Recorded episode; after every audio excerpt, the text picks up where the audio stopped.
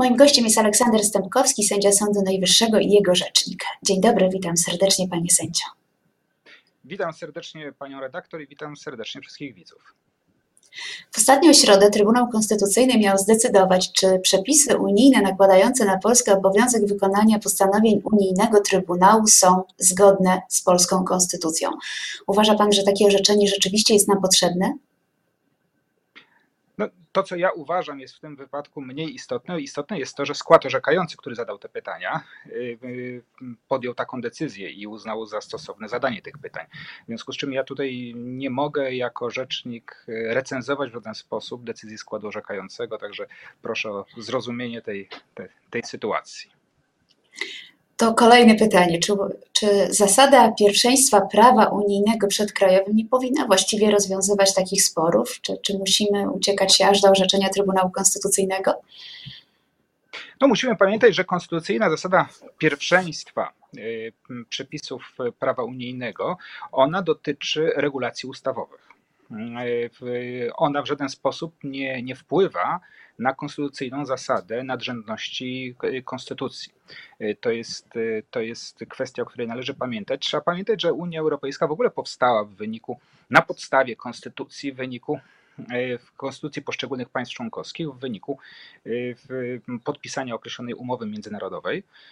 I tę umowę międzynarodową podpisywały państwa reprezentowane przez swoje organy Y, które je reprezentowały na podstawach konstytucyjnych, w związku z czym y, wszystkie państwa członkowskie, niektóre wręcz wprost przewidują wyższość y, swoich regulacji konstytucyjnych nad prawem unijnym, inne, inne potrafią to uzasadnić, dlaczego tak jest. Mhm. Natomiast przecież dysponujemy również przykładami orzeczeń sądów krajowych, które wskazują, że Y, wskazują właśnie na, na granicę tej zasady pierwszeństwa y, w przepisów unijnych. Ta zasada pierwszeństwa ma do czynienia wówczas, jeżeli, y, jeżeli normy ustawowe, normy powszechnie obowiązujące ustawowe byłyby, stałyby na przeszkodzie zapewnienia pełnej skuteczności regulacjom prawa europejskiego, natomiast nie dotyczy ona oczywiście konstytucji. Mhm.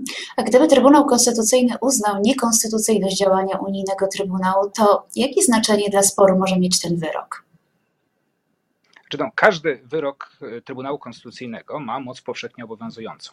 E, natomiast e, wolałbym tutaj nie snuć żadnych, nawet nie mogę snuć żadnych hipotetycznych rozważań, ponieważ to wszystko zależy od treści wyroku, która musi być poddana szczegółowej analizie i, i tutaj jakiekolwiek abstrakcyjne rozważania, co by było, gdyby było, byłyby nie na miejscu i nieuzasadnione. Mimo to zadam kolejne pytanie. Co w takiej sytuacji zrobiłby Sąd Najwyższy, gdyby zapadł taki wyrok? No bo jednak jakieś działania będą musiały zostać e, przedsięwzięte.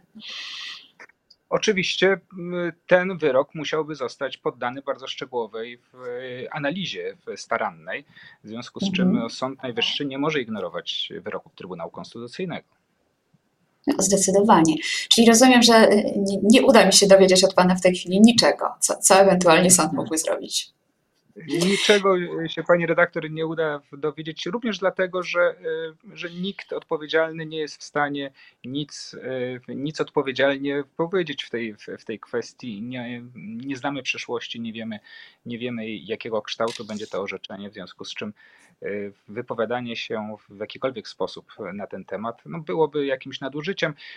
To jest powiedzmy taka sfera, w której publicyści mogą czuć się swobodnie, ale prawnicy czują się wyjątkowo niekomfortowo i są wyjątkowo mało rozmowni. Także proszę o zrozumienie tej sytuacji ponownie. Ale myślę, że przy kolejnym pytaniu będzie Pan trochę bardziej rozmowny, bo w końcu jest Pan sędzią. A chciałam zapytać, czy nie uważa Pan, że Krystyna Pawłowicz y, powinna się wyłączyć od rozpoznawania tej sprawy? No, wszystkim znane są jej poglądy dotyczące y, Unii Europejskiej. Cóż mogę powiedzieć? E, oczywiście, znaczy, może w ten sposób. Zacznijmy od tego, że jeśli chodzi o Trybunał Konstytucyjny, mamy do czynienia z pewną specyfiką tych e, spraw rozpatrywanych przed Trybunałem Konstytucyjnym. To jest sąd nad prawem.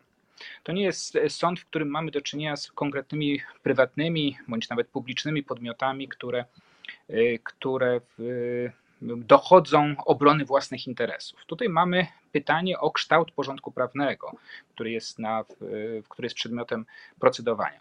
W związku z czym, również jeśli chodzi o kwestię bezstronności sędziego, to, to ona no, rządzi się nieco innymi prawami niż w przypadku procedury cywilnej czy procedury karnej. Mhm. Ale no i, i, i, to trzeba brać pod uwagę. To zresztą w przeszłości też wnioski o wyłączenie sędziów Trybunału Konstytucyjnego budziły wiele, wiele kontrowersji, wiele emocji. Pamiętam chociażby kontrowersje, które się wiązały z wnioskami o wyłączenie sędziów Trybunału Konstytucyjnego w sprawach lustracyjnych, w których oceniano konstytucyjność regulacji lustracyjnych. Tam również tam również e, z reguły e, sędziowie nie byli wyłączani, mimo że, mimo że e, powiedzmy, patrząc z perspektywy kodeksu postępowania cywilnego, istniałyby zapewne dla wielu osób, w, w przekonaniu wielu osób istniałyby podstawy do takiego wyłączenia. Natomiast nawet, nawet patrząc na przykład z perspektywy Sądu Najwyższego, no to mieliśmy do czynienia można powiedzieć, e, z takimi świadectwami tego, że dożyliśmy ciekawych czasów. E, ciekawych czasów w rozumieniu chińskiego porzekadła, czy też raczej e, chińskiego przekleństwa. Ja chciałem przypomnieć niedawno sprawę, głośne sprawy dotyczące pozwów o ustalenie nieistnienia stosunku, stosunku pracy sędziego Sądu Najwyższego, w których Sąd Najwyższy, pierwszy prezes Sądu Najwyższego jako, jako reprezentujący Skarb Państwa złożył wnioski o wyłączenie e, sędziego, który publicznie kwestionował status sędziowski, już nie tylko status w wymiarze prawa pracy, ale status sędziowski sędziów, względem których takie wnioski złożono. No i ten sędzia, mimo że swoich publicznych wypowiedzi w, mediach, nie widział żadnego mm, powodu do tego, żeby się wyłączyć. Co więcej, jego koledzy w Izbie również tych powodów nie dostrzegli. Stwierdzili, że skoro sędzia mówi, że, że nie widzi powodów, to oni tym bardziej tych powodów nie widzą. A zatem e, wydaje mi się, że te wszystkie decyzje należy rozpatrywać w szerszym kontekście. Dożyliśmy ciekawych czasów, o których się filozofom nie śniło jednak e, i, e, i no i cóż, i trzeba, i trzeba to jakoś przyjąć do, do wiadomości. Ja jeszcze na chwilę zostanę przy Krystynie Pawłowicz, bo e, spodziewam się, że jeśli zapadnie wyrok Trybunału mówiący o niekonstytucyjności działań SUE, no to oczywiście druga strona sporu na pewno będzie ten wyrok krytykowała. Nie ma Pan wrażenia, że udział Krystyny Pawłowicz może jeszcze tę krytykę wzmocnić? To znowuż jest takie pytanie, które, w, w, którym znakomicie odnajdywałby się publicysta, gdyby, je, gdyby mu je zadano. Ja, jako rzecznik Sądu Najwyższego, można powiedzieć, szczególnie nie czuję się tutaj uprawniony do zajmowania jakiegokolwiek stanowiska. Ja pamiętam, ja pamiętam, jak pani profesor Krystyna Pawłowicz próbowała inicjować dyskusję na temat akcesji Polski do Unii Europejskiej w, no, w, w okresie przedakcesyjnym. I pamiętam e, blokadę, z jaką się spotkała ze strony hmm, środowiska naukowego, które po prostu nie chciało prowadzić tej dyskusji. Mhm. Być może ten rozwój wydarzeń, który dzisiaj obserwujemy, jest jakimś, jakąś konsekwencją tego, że tej dyskusji nie przeprowadzono znacznie wcześniej, e, kiedy bardzo, bardzo poważne argumenty były w, były stawiane i za, i przeciw akcesji, wówczas raczej dominował taka, taki nastrój, że nie wypada podnosić jakichkolwiek wątpliwości, a jeżeli ktoś je podnosi, no to jest to osoba, można powiedzieć, której nie warto poświęcać uwagi. Rozwój wydarzeń pokazał, że no, że, że, tak łatwo nie da się nad poważnymi problemami przejść do porządku dziennego i że pewne dyskusje, które powinny być przeprowadzone, lepiej, żeby były przeprowadzone wcześniej niż później. E, I wydaje mi się, że, że na, pewno, na pewno jest to materia, która e, wymaga ciągłej dyskusji, tym bardziej, że widzimy, że Unia Europejska nie jest jakimś, jakąś instytucją statyczną, która mhm. trzyma się raz przyjętych ram, tylko ciągle mamy do czynienia z, z fluktuacjami i co dużo kryć w jednym tylko kierunku, to znaczy ciągle poszerza swoje kompetencje. No i, i zadawanie pytań o granice tych kompetencji jest uważam jak najbardziej zasadne i, i trzeba nad tym dyskutować, bo unikanie tej dyskusji w żaden sposób nie, nie, zażegna, nie zażegna problemów. One co, co, co najwyżej mogą się kiedyś skumulować i, i objawić w formie znacznie bardziej e, takiej wyrazistej i, i znacznie trudniejszej do często do jakiegoś e, do poszukiwania konstruktywnych rozwiązań. Mhm. Zapytam Pana jeszcze o stanowisko, jakie zgłosiło 24 e, sędziów Trybunału Konstytucyjnego w stanie spoczynku w przeddzień e, rozprawy w Trybunale Konstytucyjnym. Oni między innymi podnoszą, że Trybunał powinien orzekać w pełnym składzie, a nie, a nie pięciu e, osób. Nie ma Pan wrażenia, że to jest taka manifestacja, czy też rzeczywiście to wystąpienie było uzasadnione? No, tutaj znowuż dotykamy decyzji, y, które podejmuje Trybunał Konstytucyjny. Są to decyzje jurysdykcyjne co do y, składu, w którym sprawa jest procedowana, one są uregulowane w, przez ustawy. Y, i z jednej strony ten mniejszy skład jest uzasadniony ze względu na, można powiedzieć, rodzaj sprawy, czyli pytanie prawne sądu. Z drugiej strony kaliber sprawy, jej ciężar gatunkowy o zupełnie podstawowym znaczeniu rzeczywiście uzasadniałby mm, zmianę w rozszerzenie tego składu.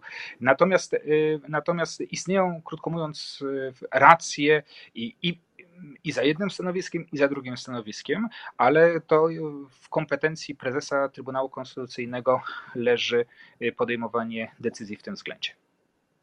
Dobrze, dajmy spokój Trybunałowi Konstytucyjnemu. Zapytam Pana jeszcze o Sąd Najwyższy, bo e, spór o reformy dotyczące wymiaru sprawiedliwości trwa już od e, kilku lat. Ja chciałam Pana zapytać, jak wyglądają relacje na linii starzy i nowi sędziowie Sądu Najwyższego? Czy ciągle są napięte, czy może jednak coś się zmienia?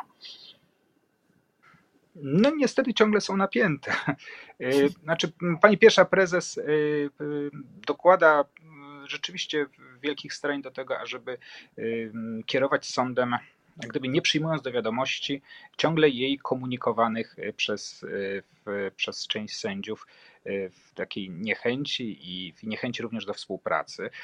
Natomiast, natomiast tutaj muszę powiedzieć, że w, Sąd Najwyższy się bardzo zmienia, to znaczy rzeczywiście bardzo się modernizuje i to częściowo wyzwania związane z pandemią, a częściowo zwykły przegląd y, sposobu funkcjonowania sądów y, pokazał, jak wielu zmian administracyjnych y, ta instytucja wymagała, w związku z czym tutaj mm, wiele, wiele rzeczy się dzieje.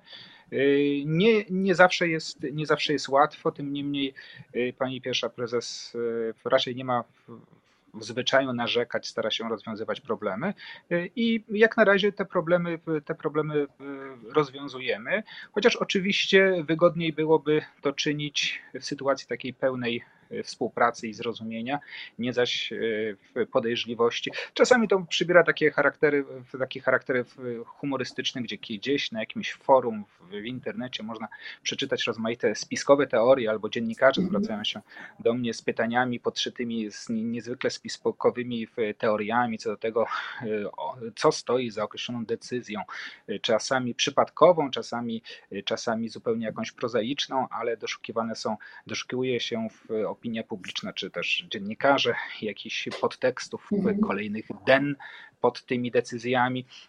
No, żyjemy, tak jak powiedziałem, w ciekawych czasach i trzeba się w jakiś sposób z tym y, pogodzić y, i w, i działać niezależnie od, od tych okoliczności, które być może woleliby, na pewno wolelibyśmy żyć w, w, spokojniejszych czasach, ale nie ma co się obrażać na, na sytuację zastaną. Działamy w takich warunkach, w jakich działamy najlepiej jak potrafimy. To Pani Sędzio, ostatnie pytanie i proszę o odpowiedź tak, nie. Czy to dobrze, że Polska jest w Unii Europejskiej? Oj. Co to znaczy odpowiedź tak nie? No, proste pytanie. Unia Europejska jest bardzo złożonym organizmem, w związku z czym, w związku z czym proste pytania na złożone, znaczy proste odpowiedzi na złożone pytania są zawsze odpowiedziami niewłaściwymi. Na pewno Polska zyskała mnóstwo szans rozwojowych związanych z z, z, udziałem w Unii Europejskiej. To były decyzje, które były podejmowane w, w zgodnie ze stosownymi procedurami, w związku z czym na pewno z drugiej strony branie udziału w takiej strukturze, bardzo dużej strukturze, w, o bardzo złożonym w, sposobie funkcjonowania, ma również cały szereg, niesie ze sobą cały szereg ograniczeń. I teraz w zależności od tego, jaką sprawę mamy, mówiąc kolokwialnie, na tapecie, możemy dostrzegać więcej ograniczeń w danej sprawie albo więcej szans i możliwości. W związku z czym wolałbym mimo wszystko unikać prostych odpowiedzi na skomplikowane pytania, bo, bo, bo czułbym, że, że te odpowiedzi nie są adekwatne do rzeczywistości ale dziękuję, że Pan odpowiedział. 13 maja decyzja Trybunału. Miejmy nadzieję, że będzie już wtedy. Serdecznie dziękuję dziś za rozmowę. Moim gościem był Aleksander Stępkowski, sędzia Sądu Najwyższego i jego rzecznik. Dziękuję Państwu serdecznie. Dziękuję Pani redaktor.